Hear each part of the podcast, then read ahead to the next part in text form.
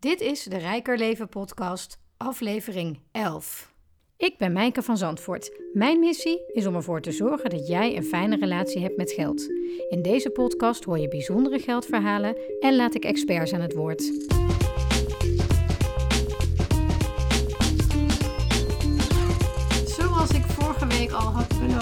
Ik hier aan uh, tafel bij Mr. en Mrs. Cheesy Finance. En uh, aan de naam te horen snappen jullie ook wel dat dat uh, geen echte namen zijn. Dus Mr. en Mrs. Mag ik als eerste aan jullie vragen, waar komt dit vandaan, dit synoniem? Nou ja, wij, een aantal jaar geleden zijn wij begonnen met, met de blog. En toen hebben we inderdaad wel een beetje zitten, zitten ja, sparren van... Joh, hoe, wat voor naam ga je er nou aan vastplakken? En ehm, we wilden het sowieso Engelstalig doen, omdat je dan wat, wat groter publiek hebt. Dus het moest ook inderdaad een, een Engelstalige uh, naam doen. Nou, wij zijn gewoon trots Nederlanders. Dus dat cheesy, nou, dat kan je natuurlijk wel mooi op twee manieren interpreteren. Als kaaskop en als inderdaad een beetje, beetje gekscherend. Een beetje, beetje, beetje fout. Um, en dat was, de, dubbele betekenis was gewoon lollig. En dat was iets van, ach joh, laten we daar eens mee verder gaan. En dan zien we waar het, uh, waar het. Want om even te starten, waar gaat de blog over? Uh, de blog is een, een, een, uh, een ja, beschrijving, een, een, een voortdurend uh, voortgang van um, hoe wij proberen vanaf eigenlijk het moment dat we gestart zijn met het hele bewustwording van FIRE tot het punt dat we daadwerkelijk ook inderdaad financieel onafhankelijk willen worden en proberen 100% op onze investeringen te leven. Um, en we willen graag laten zien hoe we dat doen, waar onze voorkeuren liggen, hoe onze meningen veranderen. En, en hoe belangrijk is het om daarbij dan uh, anoniem te blijven?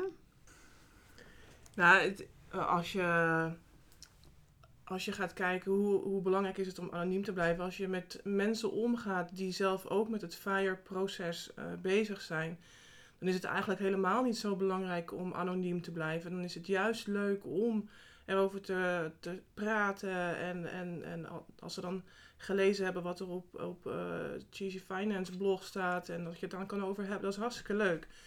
Maar voor mensen in, in, uh, in je familie of vrienden uh, die daar eigenlijk helemaal niet mee bezig zijn, dan kan het overkomen um, ja, dat je een beetje uit de hoogte komt. Ja, financiën is toch vaak ook gewoon een taboe bij mensen. En om dat eigenlijk ook ja, tegen te gaan, uh, daarom dus anoniem. En als wij zelf besluiten om het met iemand erover te hebben, dan kunnen wij dat ook zelf besluiten. Ja, precies. Uh, wij hebben dan de keus om dat dan uh, bekend te maken. En is, zijn er momenten dat je dan toch een beetje voelt alsof je een soort dubbelleven leidt? Regelmatig. Ja? Ja. Heb je een voorbeeld? Um, ja, niet zozeer direct een voorbeeld, maar je probeert natuurlijk, uh, je, je, hebt, je hebt op een gegeven moment een online naam opgebouwd. En er moet er even bij gezegd worden dat het bloggen formaal aan mijn kant zit. Um, maar als je dan het op een, een, blog hebt gezegd, het is, um, je, je, je gedraagt je ook iets anders omdat je anoniem bent ja. online. Um, Durf je meer? Ik denk dat je dat op nou ja, nee, ja, nee. ik durf eigenlijk inmiddels offline wel net zoveel als dat ik dat online zou doen. Het komt er alleen um, soms online wat makkelijker uit. Want je hebt vaak even tijd om over een, een, een scherpe uh, reactie na te denken. En voordat je die. Je hoeft niet zo adrem te zijn uh, online als dat je dat uh, offline of face-to-face -face met mensen wel zou zijn. Dus dat is wel, dat is wel wezenlijk anders, inderdaad. Ja. Kunnen jullie ons eens meenemen naar jullie proces? Hè? Wanneer, wanneer was de eerste keer dat jullie hiermee in aanraking kwamen over gingen denken: hé, hey, dat is iets wat ook iets voor ons zou kunnen zijn? Ja, dat is al wel weer een tijdje geleden. Was, was het 2014? 2014. Um, ik was uh, in het begin, uh, toen wij in uh, Canada woonden, had ik ook geen baan. En toen, ja, dan ga je toch dingen doen. En, Want hoe kwamen jullie in Canada terecht? Even nog een stapje terug. lang, lang, avontuur. Avontuur, lang leven de bol. ja, dus ja, we wilden altijd al naar het buitenland. En ja, eh, dat, zo kwam, het kwam opeens naar voren en toen hebben we de kans gepakt en uh, we zijn naar uh, Canada gegaan. Uh, maar dan wel tijdens een crisis, en waarin ik, ik heel erg moeilijk een baan kon vinden. Eh Mr. Cheesy Finance had al eh, een baan voordat we daar naartoe gingen. Dus er was eh, sowieso inkomen dat gegenereerd werd. Maar voor mij dus heel moeilijk. Dus ja, dan eh, op een moment ben ik ook gewoon een keer naar een, eh, een meeting gegaan over, eh, van Rich Dad Poor Dad. En zo is bij mij eigenlijk een, een balletje gaan rollen. Echt heel langzaam hoor. Want dat Rich Dad Poor Dad is een boek van Robert K- Kiyosaki. Kiyosaki. Ja. Rijke papa, arme papa in, in Ja. Nederland. Ja. Dus ja, die heeft het ook gewoon over eigenlijk assets genereren om, om passieve inkomen eh, te krijgen eigenlijk. En was dat dan een enorme eye-opener voor jou op dat moment? Ehm, het, het heeft een tijdje geduurd voordat ik echt een soort door had waar het eigenlijk allemaal om draaide. Ik, ik denk dat dat zo denk twee of drie jaar voordat ik het voor mezelf een beetje op papier had staan. Daar stonden ook een paar dingen in in dat boek wat ik helemaal niet kon plaatsen. Ik ben zelf een accountant en, eh, en dan ging eh, Robert Kiyosaki ging dan zeggen: Ja, maar als je een huis hebt gekocht, is het geen asset. Ik denk, ja, wat lul je nou? Volgens mij is dat gewoon een asset. Ik bedoel, dat heb ik toch geleerd in mijn accountancy-studie. Dat staat gewoon eh, op de activa kant van de balans. Maar ja, dus het heeft echt heel lang geduurd voordat ik door... Oh, dat bedoel je met het is geen asset. Er zitten alleen maar kosten aan en dus genereert het geen inkomen. Dus is het geen asset. Ah, nou, dat heeft een tijdje geduurd hoor. Ik ben zo gedrild eigenlijk Ja. in de accountancy dat het eh, echt wel eventjes... En dat was echt, toen ik het echt door had, dat was echt wel een eye-opener voor mij. Oh, daarom zetten bedrijven het wel als een asset, want daar, het genereert inkomen. En wij persoonlijk genereert het geen inkomen, dus is het eigenlijk geen asset. Nou, dat, dat, dat eh, duurde even. Nou, het is fijn omdat de mensen die nu naar de podcast luisteren... dat dan gewoon in vijf minuten eh, nu uitgelegd krijgen voor jou. Wanneer, ja. ging- wanneer ging het voor jouw leven? Veel later. Ja. Ehm, ja, weet je, we gingen naar Canada. Het was sowieso al lang leven de lol. Dus eh, ik heb er een motor gekocht. We zijn lekker veel op vakantie geweest. We hebben lekker gewoon de, lekker de consument uitgehangen. Eh, Mooi huis voor, eh, gekocht. Mooi huis gekocht, inderdaad. groot. eh was achteraf misschien niet zo handig. Maar goed, dat, wel echt ehm, Goed geleefd. goed geleefd. En ehm, ondanks dat we goed geleefd hebben, waren we wel altijd bewust van het uitgeven van geld. Dat, dat heeft er altijd wel een beetje in gezeten. Eh, We kon, ik kon wel geld uitgeven en dan is het vooral mijn kant die eh, vrij goed geld kon uitgeven. Eh, mijn vrouw is daar iets minder Goed in. goed in, om het zo maar te zeggen. Bij mij ging het lampje pas echt aan in 2014. Op dat moment had ik het niet naar mijn zin op mijn werk. Ehm, eh, mijn vrouw die gaf toen op een gegeven moment een, een blaadje aan waar inderdaad een, een, eh, stukje in stond, een interview in stond met Early Retirement Extreme. Ja, Jacob Lundker-Fisk. Hele, trouwens een tip, hè? Dat is een hele toffe blog eh, die inmiddels wel is afgesloten. Die, maar, eh, eh, ja, hij roteert zijn, eh, zijn posts Ja. tegenwoordig. Hij is inderdaad, hij schrijft al heel lang denk ik niet meer. Maar hij, eh, hij, hij, hij post inderdaad eh, vanuit zijn database aan, aan stukjes eh, regelmatig inderdaad nog weer een nieuwe. En dat is ook echt extreem. Eh, die, die, kerel heeft letterlijk gewoon zo'n ongeveer een, een, een, een tien jaar lang echt op, op zo'n 5.000 tot 7.000 dollar per jaar geleefd. Ehm, wat best wel knap is, eh, als je erover nadenkt. Ehm, maar hij beschrijft ook precies hoe hij dat gedaan heeft, eh, waar hij zijn geld uitgeeft. Maar het komt eigenlijk neer, ja, simpel wonen, alles eh, super uitkleden, ehm, geen eh, spullen kopen, eigenlijk bijna alles zelf maken, zelf bouwen, zelf repareren, ehm, eh, tweedehands winkels, noem maar op. Alles om maar die kosten zo ver mogelijk te drukken. En als je dat leest en je, je- je gaat er eens over nadenken, denk je van ja, op zich heel erg logisch dat je dan inderdaad ook he- heel veel gaat overhouden. Maar ja, Maar ja, je zegt net, eh, we leefden het goede leven, we hadden een mooi huis. Dus hoe, hoe kan het aantrekkelijk zijn om een blog te lezen van iemand die op een houtje bijt? Nou ja, op dat moment had ik het dus niet naar mijn zin op mijn werk. Mhm. En dan ga je kijken van, ik heb helemaal geen zin om elke dag naar kantoor te moeten. En dan ga je op een gegeven moment langzaam steeds verder kijken van, hoe doe ik dat? Eh, en dat blog kwam voorbij uit dat stukje. En dan gaan die hersens gaan bij mij ook malen. En dan ga ik lezen. En dan ga ik heel veel lezen. En dan ga ik extra blogs lezen. En dan op een gegeven moment begon langzaam dat kwartje bij mij ook eens een beetje eh, op zijn plaats eh, te geraken. En dan veel discussies natuurlijk thuis ook met, ja, hoe doe je dat dan? En hoe ga je met die risico's om? Want dat was iets wat ons totaal niet aansprak. Welke risico's? Hoe moet ik het Nou, je zien? kan verliezen. risico's. Ik bedoel, als je, je, je, je werkt nu, of nou ja, wij werken nu allebei. Ehm, het risico is dat je de, je baasje ontslaat of het bedrijf omvalt. Dat is een risico en dat schat je in. En eh, Ja, en, en dan neem je dat risico, ja of nee. Dat is een soort risico wat de meeste mensen eh, die luisteren hebben. Hè? Dat Ja. gewone leven van eh, banen en Ja, Maar er is natuurlijk en- altijd een risico dat je baas zegt van, Ja. nou ja, we hebben je niet meer nodig. En nou, je wordt de laan uitgegooid. Dat risico zit er altijd in, in, in een baan. Maar als je bijvoorbeeld gaat investeren in aandelen, ja, heel ander risico. Er zitten ook risico's aan. Eh, Ik bedoel, de aandelenbeurs kan eh, crashen of het kan omhoog gaan. Ja, het kan allemaal. Dus het zijn andersoortige risico's waar, waar wij dus niet aan gewend waren op dat moment. Ja, dan moet je er weer eventjes, eh, ja, dat moet je gewoon even bespreken. En, En bezinken. laten en misschien ook kennis opbouwen en- wat dat betreft. Inderdaad, ja, van aandelen. Ja, joh, wat doe je dan? Moet je dan in aandelen, opties, wat heb je allemaal? En eh, En dan dan gaat- ga je lezen inderdaad. En wat, wat willen we eigenlijk? Eh, waar Wat, wat de- zijn dat de eerste stappen die je voor mensen die de- dit interessant vinden en dat ook die weg zouden willen gaan? Wat waren jullie eerste stappen? lezen. Heel veel blogs lezen. Ja, en ik ben... eh. En ik ben ook meteen een budget begonnen, eigenlijk. Eh we zijn een budget begonnen. Eh, met, eh, nou, de eerste, het eerste budget was echt eh, gok. Wat geven we uit? Ja, dat weet ik eigenlijk niet. Ja, ik weet al hoeveel ik uitgeef op mijn hypotheek. Maar hoeveel geven we eigenlijk uit met eten? Ja, weet ik eigenlijk niet. Met de auto. Met de auto en ja, al dat soort dingen. Dus dan toch Dus maar... het in kaart brengen van je uitgaven eigenlijk. Inderdaad, ja. Mhm. En, dat, en dat alleen al motiveerde ons om minder uit te geven, bij wijze van. Omdat we toch wel zagen dat we veel uit... Nou ja, niet veel, maar gewoon dingen ook dat je denkt van... Ja, maar dat hoeven we helemaal niet uit te geven. Dus eh, Heb je daar een voorbeeld van? ja, dat weet ik eigenlijk niet precies. van die, van, die, van, die, van die lekkere impuls aankopen.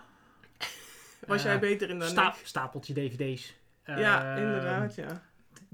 eh, eh, nieuwe telefoon, eh, nieuwe camera, eh, ja. spelcomputer.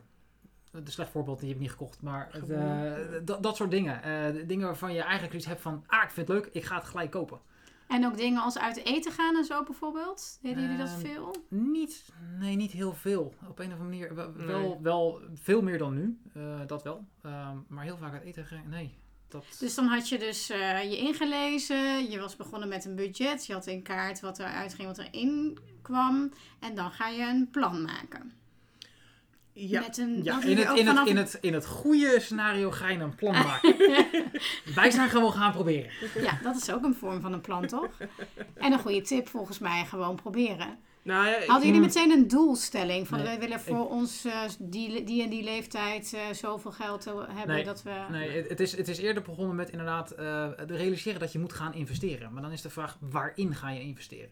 Ja, want kun je uitleggen wat de mogelijkheden zijn in het algemeen, los van jullie keuze? Eh, ja, er zijn er heel veel. Ja. Ehm, er, zijn- echt bijna een on, oneindig aantal manieren van investeren. Maar er zijn maar een aantal, beperkt aantal manieren van investeren waarbij je inderdaad eh, echt dat plan van er vervoegd uit kunnen stappen kan realiseren. Ehm, je moet bedenken dat eh, eh, sparen werkt niet, want dat levert gewoon veel te weinig op. Ehm, speculeren ehm, kan wel, maar er is een heel groot risico dat je er uiteindelijk meer op verliest eh, dan dat je ermee maakt. Ehm, het, het is niet eh, eh, zozeer Speculeren is handelen in... handelen in aandelen aandelen, handelen of- in cryptocurrencies, handelen Ja. met opties. ehm, het, je kan er in, in sommige gevallen kunnen mensen er inderdaad best wel flink geld mee verdienen. je moet er vroeg mee beginnen. Om de ervaring op te doen, om het zo maar te Om zeggen. ervaring op te doen. En, en je moet zo lang... Ik bedoel, als je, als je gaat kijken natuurlijk naar de aandelenmarkt. eh, nu. Of, of als je dat nu gaat kijken en 30 jaar geleden. Nou, dan is die, eh, Zeg je zoveel keer over de kop gegaan. is die een eh, paar keer over de kop gegaan. ja. Maar in het algemeen gaat die omhoog. Ja, maar dat is een lange termijn Dat is investering. echt Dat is een iets anders lange dan... termijn. eh, En, en speculeren, is proberen de markt te verslaan. Ja. Precies. Ja, En eigenlijk moet je doorkrijgen dat je gewoon probeer gewoon die markt maar mee te pakken. Want dan pak je al zoveel rendement dat je er al eh, heel ver mee komt. Dus niet sparen, niet speculeren, maar wel lange termijn beleggen. Ja. En nou beleggen jullie ook in een specifiek soort aandelen. Nou ja, we hebben zowel indexfondsen als dividendaandelen als vastgoed. Ehm, Dus jullie hebben gekozen voor drie eh, manieren. Is dat, ook omdat je, is dat ook een tip dat je niet op één paard moet wedden? zeker. Ja, ja nou ja, sowieso diversificering is altijd handig. De reden eigenlijk waarom wij eh, in aandelen zitten en, en in vastgoed is dat eh, ik, vind, ik vind vastgoed vond ik in het begin heel erg leuk om daarin te investeren. En eh, nou ja, mijn man die vond aandelen veel interessanter. Dus het is ook natuurlijk een combinatie van, eh, van ons twee. Dat, dat zie je heel erg terug in hoe we, het, hoe we aan het investeren zijn geraakt. Kijk, op dit moment zijn we allebei, wel vinden we vastgoed heel erg interessant. Maar ik vond dat in het begin vooral, zeker omdat ik na dat boek ook te lezen van het Rijke Papa, Arme Papa. Uh, die Robert die zit ook heel veel in vastgoed. En toen hij het er ook over had in het boek, dacht ik ja, dat is op zich ook wel logisch. wat er allemaal aan vast zit. En kijk, er zitten ook weer andere risico's aan vast. Ik bedoel, iedereen weet, de, de, de huurder die niet zijn huur betaalt, het hele appartement kapot maakt. En, uh, een rampenscenario. Rampenscenario's weet iedereen. Um, maar bijvoorbeeld, als je dan nog een ander boek van Robert Kiyosaki gaat lezen, met hoe je dan het vastgoedmanagement moet doen Um, sowieso, als je een nieuwe huurder uh, wil hebben, de screening ervan. Ik bedoel, je kan uh, het in de krant zetten en dan uh, maar iemand nemen die daarop reageert. En gewoon de persoon ook niet kennen en geen checks uitvoeren. En dan, en dan maar hopen dat ze de huur gaan betalen. Of je kan een vastgoedmanagementbedrijf erop zetten. Ja, daar moet je iets voor betalen. Maar ja, in de lange termijn heb je wel minder risico dat de, de, de huurder niet betaalt.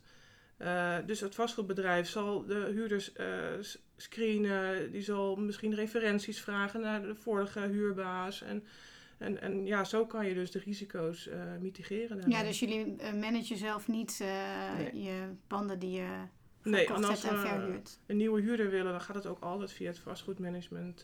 wij hebben gewoon niet de kennis en de kunde om een goede huurder uit te kiezen. Ja, en voor wat betreft aandelen? Kijk ik even naar jou, want het is jouw uh, afdeling. Om nog één stapje verder terug te doen. Ik ben wel in 2007, 8, 9 een beetje aan het spelen geweest inderdaad met wat, uh, wat aandelenproducten. Kaart op plaat gegaan. Uh, dat waren de sprinters. Dat waren van die lekker geleveraged uh, producten die heel hard omhoog gingen en nog harder naar beneden gingen. aldoende uh, leert men. Aldoende leert men inderdaad. Dat was niet de meest briljante strategie. Dat was dus echt het speculeren. Het proberen inderdaad de markt te verslaan en, en veel hogere rendementen te pakken dan de markt zelf zou genereren.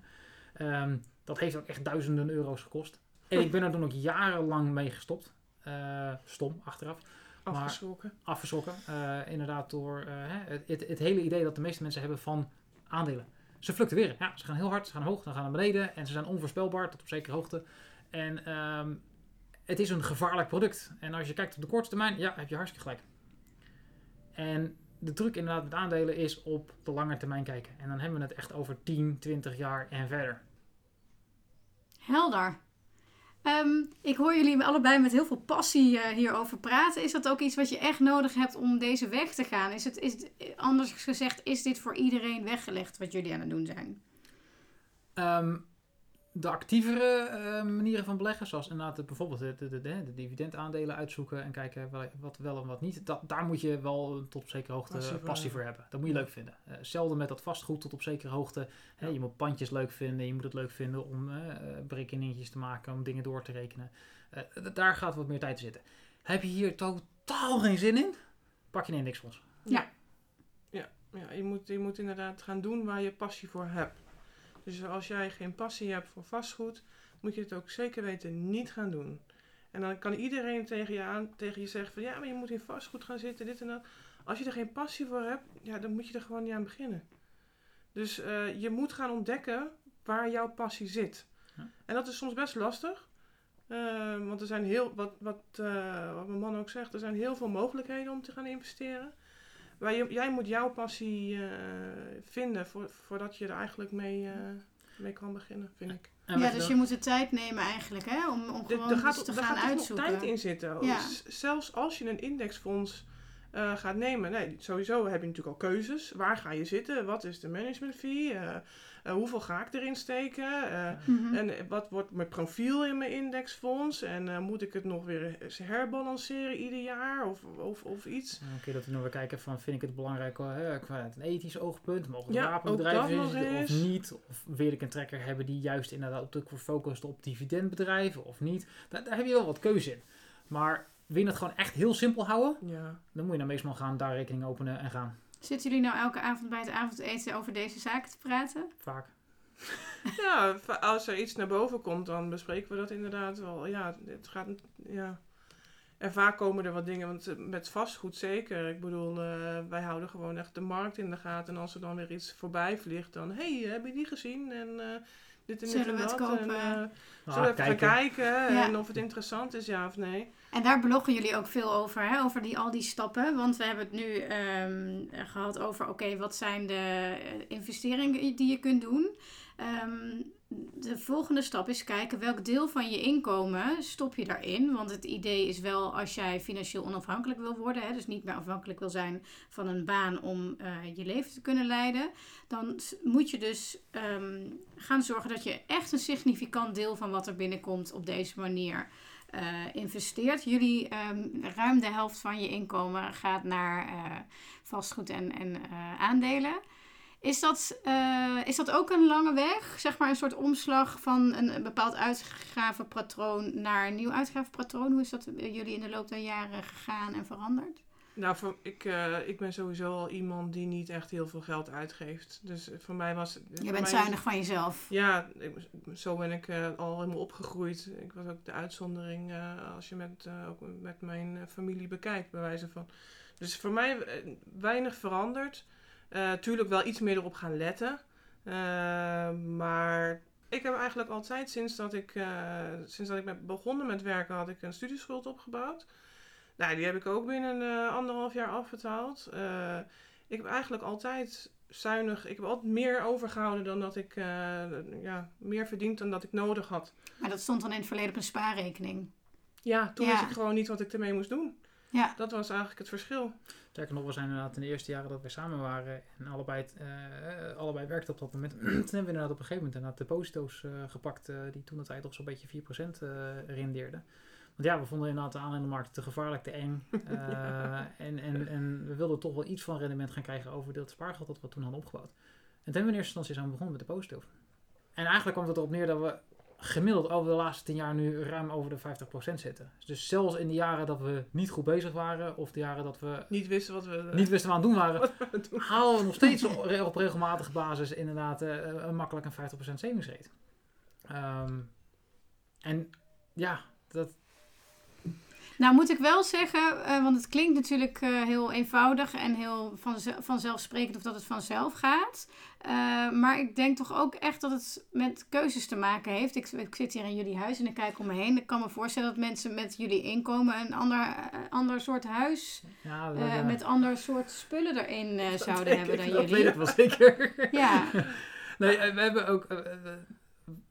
we, zien, we worden ook vaak nog wel eens gezien in onze vriendenkring ook als Schrieperig. schrieperig. Ja, Ehm, als je inderdaad ook kijkt naar hoe ons huis eruit ziet en je kijkt naar de huizen waar, waar, vrienden en, en familie van, in, in, in- van ons in wonen, ja, dan zie je ook inderdaad wel een groot verschil. Eh, we don't give a fuck. ik wou zeggen, is daar Ah. onbegrip? Dat je dat Eh, merkt? Soms wel. Soms Ja, wel. soms wel. Want daar moet je tegen kunnen dan dus. Ja, dat klopt. Ja. Ja, ja nee, bijvoorbeeld ook vak- met vakanties zie je het ook. Wij gaan eh, Europa eh, eh, kijken of we bij Airbnb nog wat kunnen vinden. Hotelletje hier en daar, goedkoop appartementje. Nou, dan hebben we het helemaal naar ons zin. Nou ja, voor sommige mensen is als zij op vakantie gaan en ze willen het helemaal naar hun zin hebben, is dat ietsje verder weg, vliegtuig, ehm, eh, All-inclusive. eh, all-inclusive. Ik weet het allemaal niet, maar dat, ja, dat hebben wij dan weer net niet, eh, net niet nodig daarvoor. Zijn er bepaalde opmerkingen? Want je zegt van nou, we, we- we worden gezien als eh super zuinig en ook misschien een beetje. Oh, we, worden gezien, we worden gezien als te zuinig. Ja, precies. Mensen denken dat we onszelf inderdaad. eh, Ja. Dat we niet Iets genoeg dat, genieten dat, dat we niet genoeg genieten van, Van het moment. Van het moment ja. van nu. Want wij, wij zijn natuurlijk zo bezig met de toekomst eigenlijk. Ze zeggen, ja, maar je moet het nu niet vergeten. En vergeet je het nu niet. En dan ze hebben het idee dat we het nu, ehm, nu vergeten. Ik kan me voorstellen dat dat een algemeen ding is, hè, met mensen die hier al mee bezig zijn. Dat, dat dus het onbegrip van je omgeving, van ehm, eh, dat anderen, doordat je andere keuzes maakt, ook meteen invullen dat je het dus minder hebt dan zij, of minder geniet, of minder. Ja. Ja. Is dat het belangrijkste wat je Eh, tegenkomt? Het meeste, eh, ja, ik, denk dat heel veel mensen zijn eh, het carpe diem, het pluk de dag principe eh, van ja, je kan volgende week overreden worden door een bus. Ja, je kan ook nu 65 of 85 procent hebben geloof ik dat je daadwerkelijk inderdaad je pensioen haalt.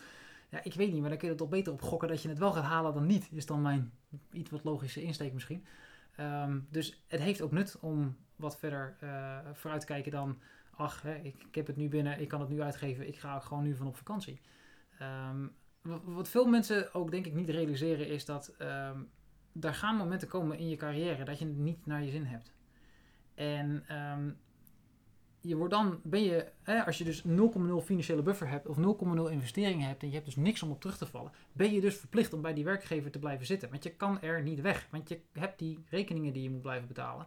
Eh, die waarschijnlijk ook nog eens een keer te hoog zijn, omdat je alles al de lui gegeven hebt. En dus veel meer uitgaven hebt dan dat je, hè, waar je makkelijk zit daar dan de moet, crux? Het gaat over vrijheid. eh, De crux zit heel erg in de vrijheid. Ja, absoluut. En, eh, en wat andere mensen dus denken, dat jullie nu in onvrijheid leven. Ik doe even met mijn vingers eh, tussen aanhalingstekens. Dat kunnen jullie natuurlijk niet zien. Maar ik, hè, eh, is, dus, dat is het beeld dus wat andere mensen hebben. Van je gaat voor vrijheid in de toekomst. En die is er dan dus misschien nu niet. Maar dat ervaren jullie Nee. niet zo volgens mij. Want het idee is namelijk dat je je leven nu inricht zoals je die straks, als je financieel onafhankelijk bent, kan doorzetten. Ja, want dat is een ander belangrijk onderdeel van eh, financiële onafhankelijkheid. De eh, levensstijl zoals je hem nu hebt, daar baseer je je toekomstige benodigdheden op. Hè? Ja. Ja. Dus als je nu eh, voor zoveel eh, boodschappen doet en zoveel aan je huur en zoveel hè, je budget, dat is nu bij wijze van spreken, ik zeg maar, ik noem maar iets, eh eh, 2.500 euro per maand. Zorg je dus dat je in de toekomst voldoende Ja. dat je 2.500 euro per maand terugkrijgt uit de investeringen en, en eh huuropbrengsten. Klopt. Dat klopt. Eh, Dat is gewoon de eenvoudige rekensom. Ja, eigenlijk wel. Even om het heel eh, simpel te eh, maken. Ja, nee, dat klopt. En dus je, er moet genoeg eh, cash binnenkomen om, die, eh, om, om de uitgaven inderdaad eh, te kunnen maken. Ja. Ja. En dan wat je dan nog kan doen als je je er... Ja, je, wil, je moet je er natuurlijk ook prettig bij voelen. Dus Ja. vaak wil je misschien nog een, iets meer hebben. Dat je een wat financiële buffer hebt. Dat als je een keer een tegenslag eh, ondervindt, dat je die ook kan betalen. Eh, medisch, eh, Ja. iets met een probleem met een pand of we- weet ik veel wat. Maar het is altijd handig om... Een soort hè, veiligheidsmarge. Die cash, eh, Ja. en, of die cashflow te hebben om inderdaad door te kunnen. Of je hebt genoeg vermogen waar je dus af kan halen. Hè, de, de, de 3,5 of 4% regel, afhankelijk van waar je, hoe conservatief je bent. Eh, Misschien moet je die even uitleggen. de, de, de, de safe withdrawal rule. Het is, de, de, het, is een, het is een regel waarbij ze eh, een beetje overkomen waaien uit een, een studie die gedaan is in de jaren 90. eh, waarbij ze gingen uitrekenen van hoeveel geld kan je van je vermogen aftrekken ieder jaar om te zorgen dat je in, in 30 jaar tijd een, een 9 95% kans hebt dat je daadwerkelijk inderdaad ook niet door je geld heen bent. Ehm, dus ja, eh, afhankelijk van je risicoprofiel. Je, je kan zeggen van, joh, eh 4%, ik krijg toch nog AOW straks, weet je. Dus ik heb nog een vangnetje en ik krijg ook nog een beetje pensioen van mijn banen die ik allemaal gehad heb. Prima, ik, eh, ik vind die 4% goed, of 4,5 zelfs. Ik teer wat in op mijn vermogen, kan allemaal. Of dat je zegt van, ja, ik vertrouw het voor geen meter. Eh, ik denk niet dat, eh, dat, eh, dat er heel veel uit gaat komen straks. Ik ga op 3,5 zitten. Ja. Dat, dat is een beslissing die je zelf kan nemen. Maar dat zijn rekenregels, specifiek dus op indexfondsen. Ja. En dan was je met een zin bezig, maar ik ben weer vergeten waar je het over Nou had. ja, dat is dus één methode. De Ja. andere methode is dat je dus puur op de cashflow gaat kijken. En dan Ja. komen die dividendaandelen en dat vastgoed om de hoek kijken. Want die genereren elk kwartaal of elke maand. Dus cashflow in, eh, als een soort alternatief salaris eigenlijk, Is zou je kunnen zeggen. Je moet het zien als een alternatief salaris. Ja, Dat is dan eigenlijk oneindig. Ja, En dan heb je dus ook niet met die 4% regel te maken. Nou, grappig genoeg komt je rendement vaak toch wel weer zo'n beetje uit rond die 4%. 3,5, 4, 4,5 procent. Hè? Je kan er wel wat meer uithalen in sommige gevallen. Maar dat is op zich vanuit een gemiddeld oogpunt vaak wel een, een, een redelijke... eh, want, want wat dat betreft, over het nu gesproken en eh, eh, keuzes maken, leven het nu. Jij hebt toevallig afgelopen week tegen je baas gezegd: Ik ga naar die reis die ik binnenkort ga maken. Waar jullie trouwens alles over kunnen lezen over, op de blog van cheesyfinance.nl. Jij zei: Ik kom daarna gewoon lekker niet meer terug. Want de cashflow is op dit moment zo dat jullie makkelijk op één salaris hetzelfde leven kunnen blijven. Ja, ja sowieso konden we op één salaris überhaupt al, eh, met een savings rate van 65%. Ja. Werd al, en we verdienen ongeveer hetzelfde. Eén salaris eh, werd sowieso al geheel geïnvesteerd. Dus we zaten al, al, al, al makkelijk op één salaris eh, met onze maandelijkse uitgaven. Daar kwamen we al makkelijk mee rond. Ehm, dus dat is sowieso natuurlijk al stap 1. Maar aan de andere kant, via de achterdeur komt er dus nog wel inderdaad eh, nog steeds meer cashflow uit dat vastgoed binnen. Eh, dat, dat, dat, is, dat is de bonus. Dus dan ga je op een gegeven moment afvragen van ja, ik heb het eigenlijk nog niet meer zo naar mijn zin. ik wil toch eh, liever inderdaad eh, wat, wat anders gaan doen. En nu is het langzaam dat ook doorgedrongen dat het misschien wel eens tijd wordt om dat ook werkelijk te gaan proberen. Aangezien we inderdaad voldoende financiële middelen hebben om dit is een paar jaar uh, te, gaan, uh, te gaan doen. Want jullie zeiden net al van, we hebben, we hebben, er, is, er is ergens wel een soort van doel of plan, maar dat verandert ook de hele tijd. En misschien dat we dag. morgen het, ja, dat, echt letterlijk per dag, ja. Bijna wel, ja. ja. Want toen hij kwam met die mededeling van, goh, ik zit erover te denken dat, hoe, hoe was het voor jou? Nou, eigenlijk, nee, ik wist dat hij het al niet naar zijn zin had. Dus, nou, dat is helemaal goed. Ik vind het gewoon zonde om 40 uur in de week uh, bij een baan te zitten waar je het niet naar je zit. Dat vind ik gewoon Want in die zin is dan meteen het hele argument van je omgeving van let, let jullie wel op het nu. Dit is wel een voorbeeld waarbij je dat juist dus heel erg ja. doet. En in tegenstelling tot hun leven, die ook die mogelijkheid hebt om dat te doen. Klopt, ja, wij hebben die mogelijkheid gecreëerd voor onszelf. Uh, dus, uh, dus wij kunnen die beslissing heel makkelijk nemen, ja, ja. nu. Ja. En je hebt wel eens naar je zin op je werk. Ik heb even het, heel, ja, ik heb het wel heel erg naar mijn zin naar mijn werk. Dus uh, ik, uh, ik vind het ook prima. Jij bent voorlopig uh, niet van plan om te stoppen. Nee, nee, nee. nee. Ik eindig mijn podcast vaak met tips. Drie tips voor de luisteraar. mogen ook vijf tips zijn. Er zijn al heel veel tips langsgekomen. Um, ik had, nog, ik had nog een vraag opgeschreven van hoe hou je het vol? Of is dat dan moeilijk? Maar eigenlijk in de loop van het gesprek is het gewoon een soort conclusie van je moet dit leuk vinden. En als je het leuk vindt is het helemaal niet moeilijk om uh, vol te houden. Misschien kunnen we heel concreet eens kijken van uh, nou, waar zou je op, bijvoorbeeld op kunnen bezuinigen? Uh, wat is... Als je niet, als je niet zo'n heel hoog inkomen hebt. Je kan, je kan altijd wel ergens inderdaad wees kritisch met elke uitgave. Heb ik het daadwerkelijk ook echt nodig? Uh, word ik hier gelukkig van? Ga ik hier echt meerwaarde uithalen als ik deze euro nu uitgeef ten opzichte van als ik deze euro inderdaad in een, in een, uh, in een investering stop? Uh, ja, en vind je het erg om het misschien niet in de winkel te halen, maar bij de kringloop? Ja. Denk daar ook eens over na. Ik bedoel, wij, wij staan vaak bij de kringloop, wij geven ook aan de kringloop. en als we iets nodig hebben wat we denken van nou, dat, dat heeft de kringloop ook wel. Speelgoed of zo ja, dat kan je bij de kringlopen echt uh, vandaan halen. Dus uh, ja, dat vinden, wij ook heel, dat vinden wij ook heel normaal. En ik kan me voorstellen dat andere mensen dat iets minder normaal vinden. Dus het is ook een soort creatief denken. Zeker. Ja. ja. Maar niet alleen buiten dat creatief denken. Uh, wat natuurlijk ontzettend veel helpt. wees ook met je dingen als verzekering heel kritisch. Kijk ze ieder jaar even na. Ja. heb, ik, heb ik inderdaad wel de beste dekking of heb ik te veel dekking? En is het misschien terug goed om het eens terug te schakelen en, of schalen en met een lager maandelijks bedrag af te kunnen? Uh, kan ik mijn auto downsizen? Uh, er zijn genoeg voorbeelden van andere bloggers die inmiddels, uh, die, die hadden een Audi, die reden inmiddels in een Polo rond. En, en zo, ja. zo, zijn er veel van dat soort kleine dingetjes. Uh, uh, kan ik nog een paar ledlampjes in huis hangen om die energierekening weer wat terug te brengen? Uh, kan ik inderdaad meer thuis eten, dus meer vooruit koken? Dus meer in het weekend een grote bak eten maken voor vier personen in plaats van twee. En daar gewoon dan dus inderdaad een extra maaltje door de week uit te halen, zonder dat je weer een keer uit eten gaat. Een beetje alle kleine beetjes helpen, hoor ik. Alle kleine ja. beetjes helpen. Ja, zeker. Ja, het, en het, je, je schrikt er soms van hoeveel al die kleine beetjes samen uh, optellen. Uh, op, op, optellend inderdaad een, toch een aardig bedrag al per maand worden laat staan, wat dat natuurlijk aan, aan verschil maakt op jaarbasis.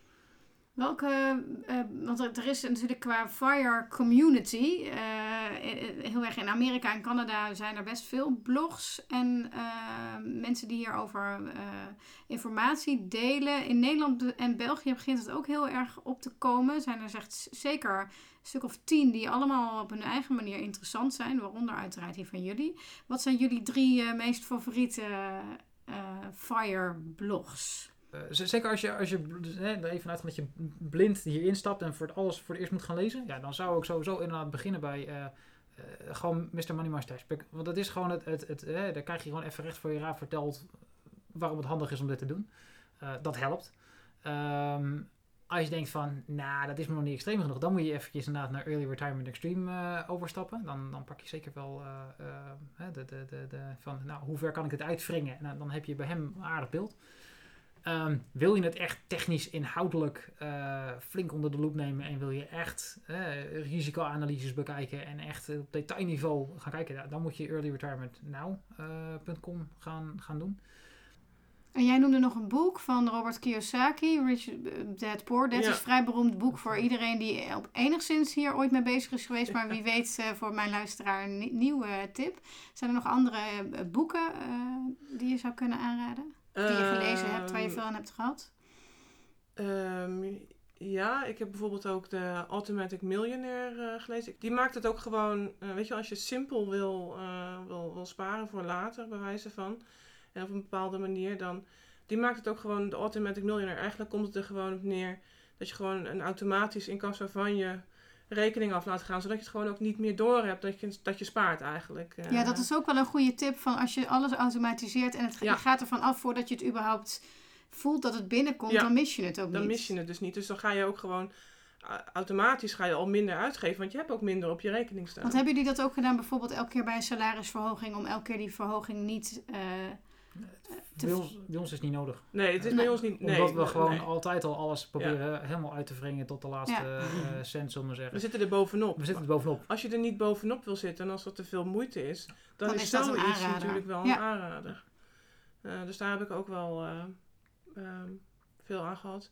Ja, en ik vind het echt een briljant boek. Eh, ik heb hem hier in Nederland nog niet kunnen vinden, maar dat heet eh, eh, Retire Mentality. En dat gaat eigenlijk over de mentaliteit over pensioen. Dat is, vind ik echt een briljant boek. Wat eigenlijk gewoon eh, zegt van eh, pensioen, waarom zou je wachten tot 65? Waarom niet nu?